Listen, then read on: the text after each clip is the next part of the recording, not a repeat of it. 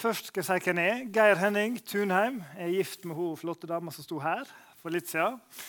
Eh, jeg arbeider i NLM i region, så jeg er ansatt for barne- og ungdomsarbeidet regionalt. Og så er jeg her av og til å tale, og så har oss to flotte unger. Flott rekkehus på Vegsund. Ja. Her er trampoline. Så det er bra. Dere, eh, i dag så er temaet Ruth og hel bok, Ruths bok. Så er det noe med den boka som er kjennetegnet. Det er et forhold mellom to kvinner. Og det er svigermor inne i bildet. Og svigermor, Ryktet til svigermor det er kanskje ikke det aller beste. Jeg vet ikke om dere kjenner til det. Eh, min svigermor er veldig grei, for å si det sånn. Eh, men svigermor generelt er kanskje ikke de som er best eh, rykte. Så jeg googla dette her. Svigermor. Eh, på, på, Google og fikk opp følgende treff eh, på saka. Slik takler du svigermor. Hva gjør du når svigermor terroriserer deg? Og som min personlige favoritt Svigermor var som en orkan. Kjempespennende sak. Eh, Bladet Kvinne og klær, også kjent som KK, der forteller at sju av ti kvinner de har et eh, dårlig eller sliter med sitt forhold til svigermor. Ikke, ikke særlig lystig, dette her. altså. Men for alle dere svigermødre som sitter igjen i salen, ta, pust rolig, rolig, ut. Dere er blant de tre av ti som har et godt forhold til dere svigermødre. Men i vårt samfunn i dag blir det fokusert på det dårlige forholdet til svigermor. Eh, Bibelen her beskriver et fantastisk flott forhold mellom en svigerdatter og en svigermor som går på samme vei. Og jeg skal begynne med å be. Kjære Jesus, jeg ber om at du må være med nå. Jeg ber om at du må være her med din ånd. Hjelp oss å få noe ut av den boka som du har gitt oss. Eh, hjelp oss å lære noe fra historien om Ruth og Naomi. Så ber om at du må gi meg ro her. Jeg ber om at uh, ditt ord må tales uh, trygt og godt og sant. Må du komme hit, Jesus, nå. Må du være her. Amen.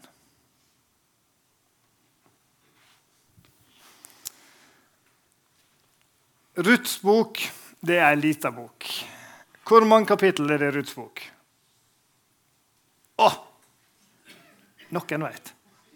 Fire. Her kommer det fram. Fire kapittel. Du bruker ti minutter. Hvis du leser litt sakte som meg, bruker du et kvarter på, på å lese den. Enkelt skrevet, nesten som ei historiebok. Og Forfatteren til Ruths bok det er ofte Samuel, som er regna som det, men de vet ikke helt om det stemmer 100 da. Ruths bok er plassert i dommertida. Det vil si at Israelsfolket kom seg vekk fra Egypt og har greid å komme seg til landet, men det er før Saul og David blir konger. Og Boka om Ruth det dekker ei tid på elleve år. Fra begynnelsen av Ruths bok til slutten så går det et tidsaspekt på elleve år. Og Dere som har lest litt i dommerbøkene, dere ser at mye av det som står der, det er mye vold. Det er veldig mye umoral. Så kommer denne kjærlighetsboka med Ruth midt oppi. Det får et helt annet bilde av hvordan det var på den tida. En herlig kontrast til tida den står i. Og Det som er med Ruth, det er at hun er innvandrerkvinne. Du har Noomi, som først innvandrer til Moab. Og så er du Ruth, som vandrer tilbake igjen. Det er innvandrere, og Ruth er en innvandrer som blir stammor til David og til Israel.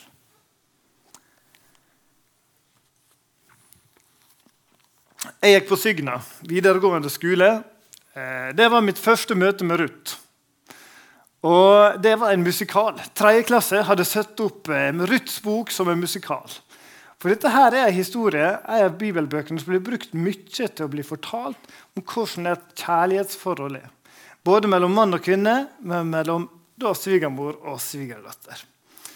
Og for dere som ikke kjenner Ruths bok så altfor godt, så skal jeg gi dere et liten sånn gjennomblikk nå i første del av talen. Da går jeg litt kjapt gjennom Ruths bok, og så skal jeg reflektere litt etter hvert over et par tema som det handler om. Og Det er nesten som en sånn romantisk historie. Det, er, det egner seg til å bli en god film, altså, Ruths bok. Og Ruth hun var fra Moab. Skal vi se Der. Moab. Og Naomi og Elimelek de var fra Betlehem. Naomi og Elimelek de vandra til Moab fordi det var hungersnød i landet. Og Elimelek hadde med seg sine to sønner. De sønnene de fant seg to kvinner, to koner. Det var Orpa og Ruth. Og Fortellinga begynte i det at en ny krise oppstår. Naomi, Ruth og Orpa har alle tre blitt enke på kort tid. I tillegg så har de ingen unger. Og Det er en tragisk skjebne for ei kvinne på denne tida. Her Og her har vi tre tragiske skjebner samla i én en enhet. Hvem skulle gi dem mat? Hvem skulle forsørge dem? Hadde de i hele tatt ei framtid? Hun bestemte seg for å reise hjem igjen til Betlehem. Tilbake igjen fra Moab til Betlehem. Ruth og Orpa de sier oss vil være med, oss vil gå sammen med deg. Så gjenger de på veien hjem. Og alle tre begynner å gå. Og så sier Naomi til svigerdøtrene sine Dere, reis tilbake. Far hjem igjen. Få dere nye menn. Dere har framtid der. Det kan være godt for dere å komme dere dit. Framtidsutsiktene deres er mye bedre hvis dere drar hjem og er der dere er trygge, enn hvis dere blir med meg. Husker dere at de flykta, Elimelek og Ruth de flykta fra Betlehem fordi det var hungersnød? Det er sikkert ikke gode forhold i Betlehem på den tida, selv om de vender tilbake igjen, men det er noe med å komme hjem. Og Orpa, etter å ha blitt overtalt av sin svigermor, så snur hun og vender hjem. Men Ruth, Ruth hun er ei sta dame. Eh, hun ble sikkert ei sta svigermor med etter hvert. For hun er bestemt. Og, og Ruth hun sier at hun vil bli med Noomi. Og Da kommer vi til det kanskje kjærlighetserklæringa som Ruth heter si svigermor, som er streka under iallfall min bibel, og sikkert i tusenvis av andre. Og det er de orda her. Dit du går, vil jeg gå. Og hvor du bor, vil jeg bo. Ditt folk er mitt folk, og din Gud er min Gud. Der du dør, vil jeg dø og der vil jeg begraves. Måtte Herren la det gå meg ille både nå og seinere, hvis noe annet enn døden skal skille meg fra deg. Dit du går, vil jeg gå, og hvor du bor, vil jeg bo. Ditt folk er mitt folk, og din Gud er min Gud. Det er all in, altså. Hun gjenger fullt og helt sier 'Nomi, jeg er med. Jeg følger deg. Jeg er med deg. Så det her kunne ikke Nomi stå imot, så Ruth hun blir med til Betlehem. Og Der slår de to kvinnene seg ned. Men se for meg at kampen for tilværelsen der den er hard. De har ikke jord til å dyrke, og Ruth må gå ut og samle korn sånn at de skal greie å overleve. Og Boas Nå kommer på en måte mannen inn i kjærlighetshistorien her. Boas han er en rik og fjern slektning av Elimelek, og han legger merke til Ruth på åkeren. Han gir henne både mat og drikke og sørger for at ingen plager henne. Så spør Ruth han Boas hvorfor bryr du deg om meg som er en innvandrer, som er en fremmed. Og Vet dere hva Boas begrunner det med? Han sier, 'Jeg har hørt om deg.' 'Jeg har hørt rykte om deg.' Det du gjorde for Noomi, det du sa til henne, og det du fulgte opp med å følge henne helt hit, at du har gitt opp alt for henne Jeg har hørt om deg. Og jeg har hørt om din omsorg. Og så sier han Boas Måtte du få fullt vederlag for Herren Israels Gud, når du nå har kommet for å søke ly under hans vinger. For dette her er ikke bare en historie om Ruth som velger å følge sin svigermor. Dette her er en historie om Ruth som velger å følge sin Gud. Hun velger å følge en Gud som hun ikke er kjent før, som nå er blitt hinna Gud, som hun ikke kan gå vekk ifra. Så ligger det kanskje Nei, det var for langt. Ligger det kanskje noe mer under Boas sin omsorg. Han har et godt øye med Ruth. Og Nomi hun er ei listig kvinne. Ei kvinne som er, hadde, er nok en god svigermor, og hun har en god plan. For Nomi hun ber Ruth vaske seg, pynte seg og legge seg med boa sine føtter når en fest er slutt. Og Ruth hun gjør som Nomi sier. Hun pynter seg, ordner seg. Og midt på natta så merker Boas at det ligger noe med føttene hans. Veldig spesielt. Kjempespesielt. Men det her sier at eh, Boas han spør hvem er du og svaret det gjør han glad. For svaret han får, er Ruth. Så sier hun, 'Bre kappen din over meg, for du er løsningsmannen.' Du er min løsning. Og Med det så mener hun dersom en mann døde barnløs, så skulle en nær slektning være løsningsmannen og gifte seg med enka for å gi mannen etterkommere. I samråd med Betlehem sine eldste så tar Boas på seg nå oppgaven for Ruth og gifter seg med, han, med henne. Og Ruth hun får en sønn som heter Obed. Og Obed han blir farfaren til David. Og Hun som innvandrer hun blir stammor til Israel sin konge. Ok, Da kan jeg løsrive meg litt fra papiret. Da har jeg på en måte fått gitt eh, hovedtrekka her. Dette var en kjapp kjapp, kjapp gjennomgang av Ruths bok.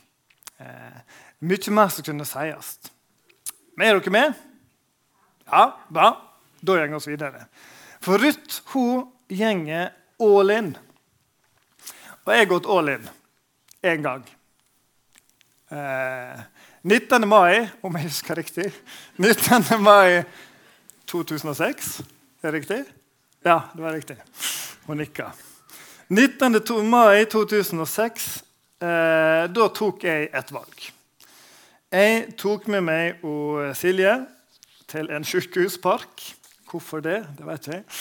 En flott park eh, bak Rikshospitalet. Og Så gikk jeg ned på kne og så spurte jeg Silje om hun ville gifte seg med meg.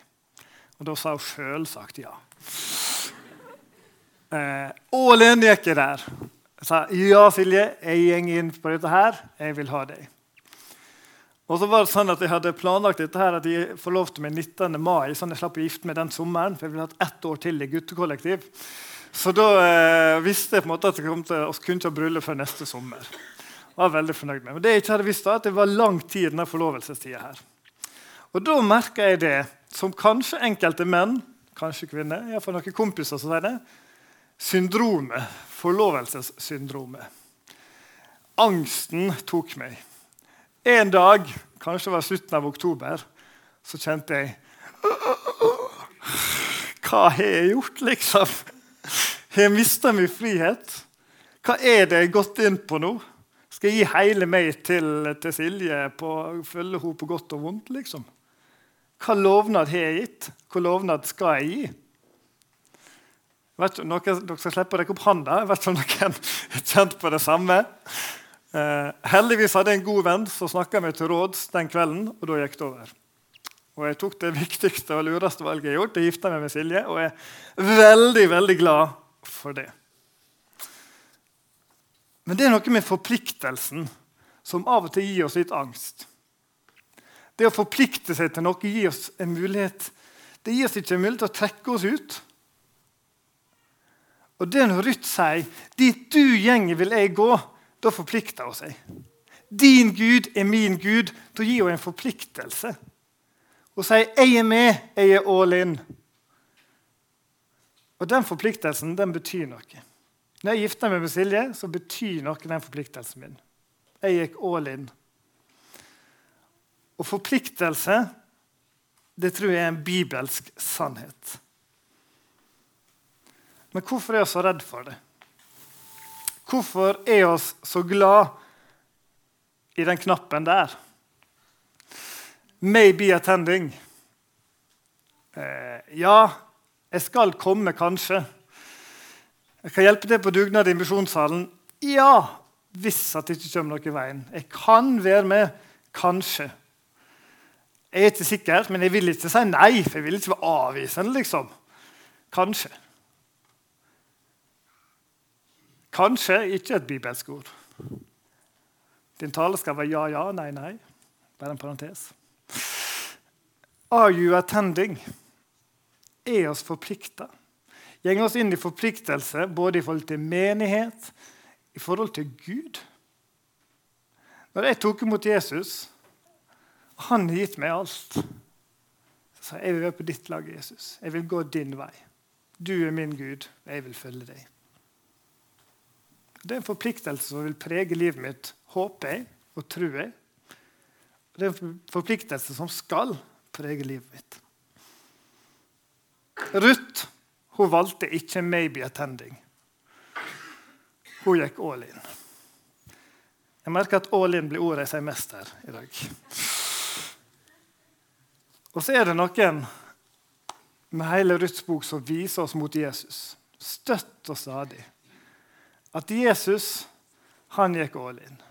Han forplikta seg på å frelse oss, han forplikta seg på å redde oss. Han forplikta seg på å gi alt for oss. Ruths bok viser oss at Gud forplikter seg til oss. Og Da kan vi svare han med å forplikte oss til han. I februar så var jeg i Vest-Afrika en tur sammen med Mista Gjerde, som sitter der baki.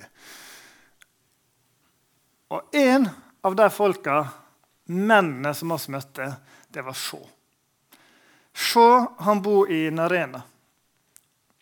Og når jeg prater med han, så sier han at han er en av de eneste kristne i landsbyen som han vet om. Det er noen andre, men han er alene. Se, han var muslim.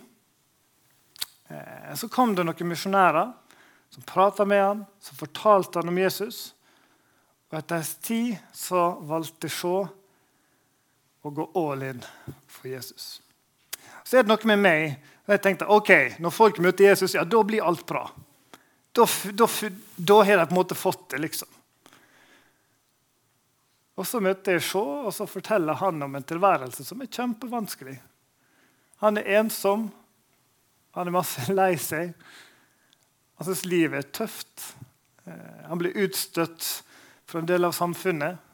Eh, hvorfor er det ingen andre som kommer med? liksom?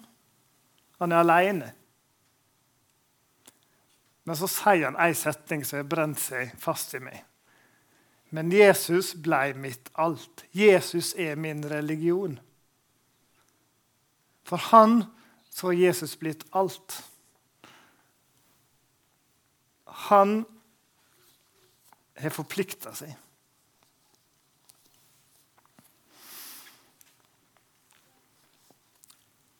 Ruth hun har et forhold til Naomi som må bli bygd opp. Tror Naomi og Elimelek de har gjort sånn at Ruth og Orpa de har tillit til henne. Hvorfor ellers skal de følge etter henne der hun gjenger, der vil de gå.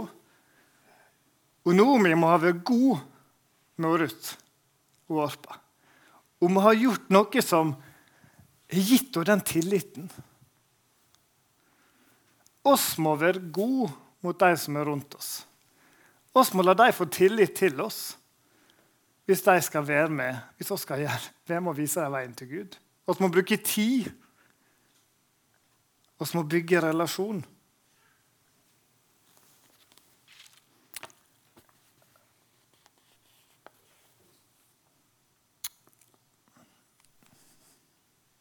I Ruth 2,11 så stender det at Boas svarte hun, altså Ruth, mer enn én gang har de fortalt meg om det du har gjort for din svigerinne, din svigermor, etter at mannen din døde. Du forlot din far og din mor og ditt fedreland og dro til et folk du ikke kjente fra før. Mer enn én gang. Jeg tror det er en, en underdrivelse. Ryktet gjeng om Ruth. Riktig gjenge om at hun har gjort noe for hun Naomi. Og det gjenger rundt om i landet. Når jeg satt og forberedte meg på dette, her, så syntes jeg det var litt ekkelt. Hva rykte gjenger om mine valg? Hva ryktet gjenger om meg. Ehm, dette her er ikke for å gi noen dårlig samvittighet, eller noe sånt, men jeg tror vi kan trenge å reflektere over det. Hva ryktet gjenger om meg i forhold til å ja, både vise hvem Gud er, og peke på ham? For oss vet alle at rykter gjenger. Men hva ryktet gjenger? Og Ruth hun hadde et godt rykte. Og så var hun villig til å gå. Jeg var sammen med mange av dere for to helger siden og fikk oppleve det her. Det var to yngre, En som heter Karoline og en som heter Marius Bergersen, som var villige til å gå. De skal reise ut til Japan nå i slutten av, eh, av eh, august og bli misjonærer der for å fortelle noen andre om Gud. Og når jeg snakka med Marius på forhånd, så sa han spurte, ja, hvorfor reiser dere. liksom? Nei, Gud har sagt at jeg må gå. Gud har sagt at jeg må gå. Så reiser de for å fortelle at din Gud, at vår Gud kan bli guden til deg i Japan. De var villige. De var villige til å gå. Og så syns jeg det er så deilig med de versene med 'dit du går, vil jeg gå'. For Hvis vi snur litt om på bibelteksten der, så kan vi ta det som et løfte ifra Gud. Når vi gjenger med Han, så gjenger ikke oss alene. Men han vil at vi skal gå. Gud vil ikke at vi skal være statiske og stå stille. Han vil ha bevegelse, han vil prege oss.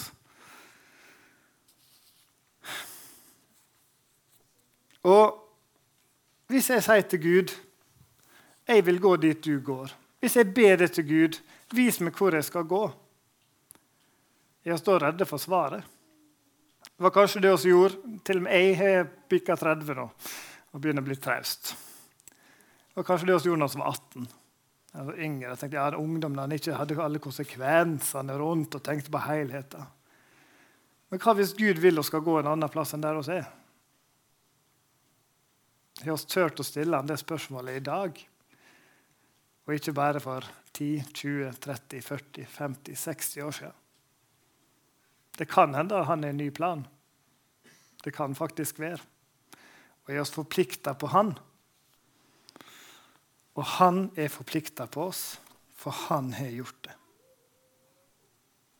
Og Boas han tok seg av Naomi, sin eiendom, og han vinner Ruth som sin brud. Og Jesus han har kjøpt oss med sitt blod og han har vunnet oss som sin brud. Og oss som har Jesus, og som har fått alle ting med han. Nå, etterpå, så går dere ut. Og så prater dere ja, det var en grei tale. Eller nei, jeg synes det var vanskelig å henge med i dag. Eller. Eh, og så vil jeg at dere skal prøve å prate litt mer om dette her i dag. Fram til årsmøtet. For årsmøtesaker kan jeg prate om på årsmøtet. Så ute på bordet ute så står det tre spørsmål. ligger noen lapper, så dere kan samtale bare litt om teksten, eller litt om talen i dag. Spørsmålet som jeg stiller, er hva tror du driver Ruth til å følge Noomi i tjukt og tynt?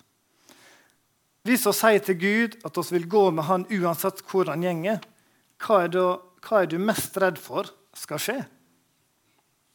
Og det siste er det en utfordring i vår tid at folk er vanskelig, vanskeligheter for å forplikte seg i fellesskap og vennskap. Det skal dere få prate om etterpå.